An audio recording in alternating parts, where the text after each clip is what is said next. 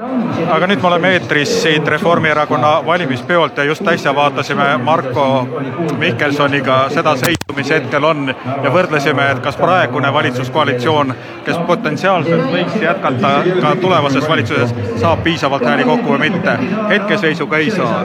no ma arvan, et äh, see, mida me praegu näeme, on selgelt umbusaldusavaldus praeguse valitsuse ja peaminister Ratase suhtes. et kui Ratas on ikkagi Harju Raplamaal saanud kaks korda vähem hääli kui Kaja Kallas, siis ma arvan, et see on äh, noh, väga selge sõnum.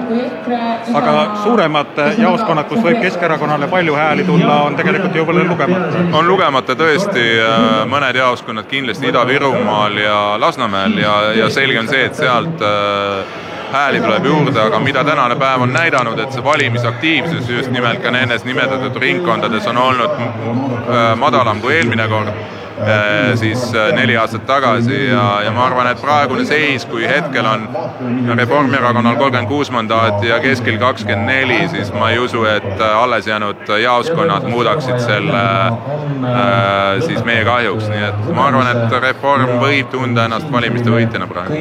ehk siis tõenäoliselt Keskerakond saab juurde, aga need hääled tulevad kuskilt mujalt, mitte Reformierakonna arvelt, arvelt nii palju. ma arvan, et äh, Keskerakond täna peaks kõige rohkem äh, vaatame EKRE poole.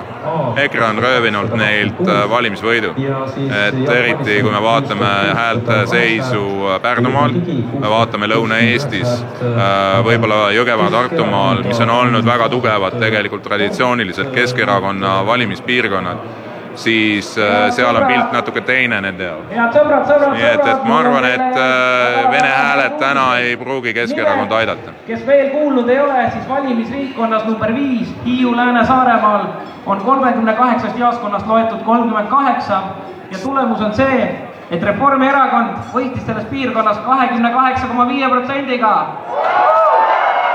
see ei ole mitte esimene rõõmuhõise siit täna no esimene oli juba mõni, mõni tund tagasi, kui tuli e-valimiste tulemus, mis oli fenomenaalne tegelikult, see oli väga suur avaldus et ikkagi saada nelikümmend protsenti e-häältest äh, mõlemat pidi, et äh, rekord, mis kunagi on antud ja rekord, mis äh, oli aktiivsus inimeste poolt. samamoodi võitis seal kahekümne kuue milline oleks teie esimene hääletus, kelle poole esimesena pöörduda uue valitsuse või koalitsiooni kõneluste puhul? ma arvan, et siin tuleb ära oodata see lõplik seis, et mis need numbrid täpselt tulevad ja äh, Reformierakonna juhatus äh, on oma nii-öelda käigud juba tegemas, äh, ma usun, et äh, aga ennekõike käigud tegemas selles mõttes, et äh, on, on läbi mõeldud ette, millised võiksid olla sammud, aga seda peaks teie Kaja Kallase käest küsima aga potentsiaal, et Reformierakond ja Keskerakond teevad koos kahekesi järgmise valitsuse, ei ole ju välistatud? ainukene, mis on välistatud äh,, EKRE. praegusel hetkel on Reformierakonna jaoks välistatud EKRE, nii nagu seda ka Kaja Kallas on öelnud.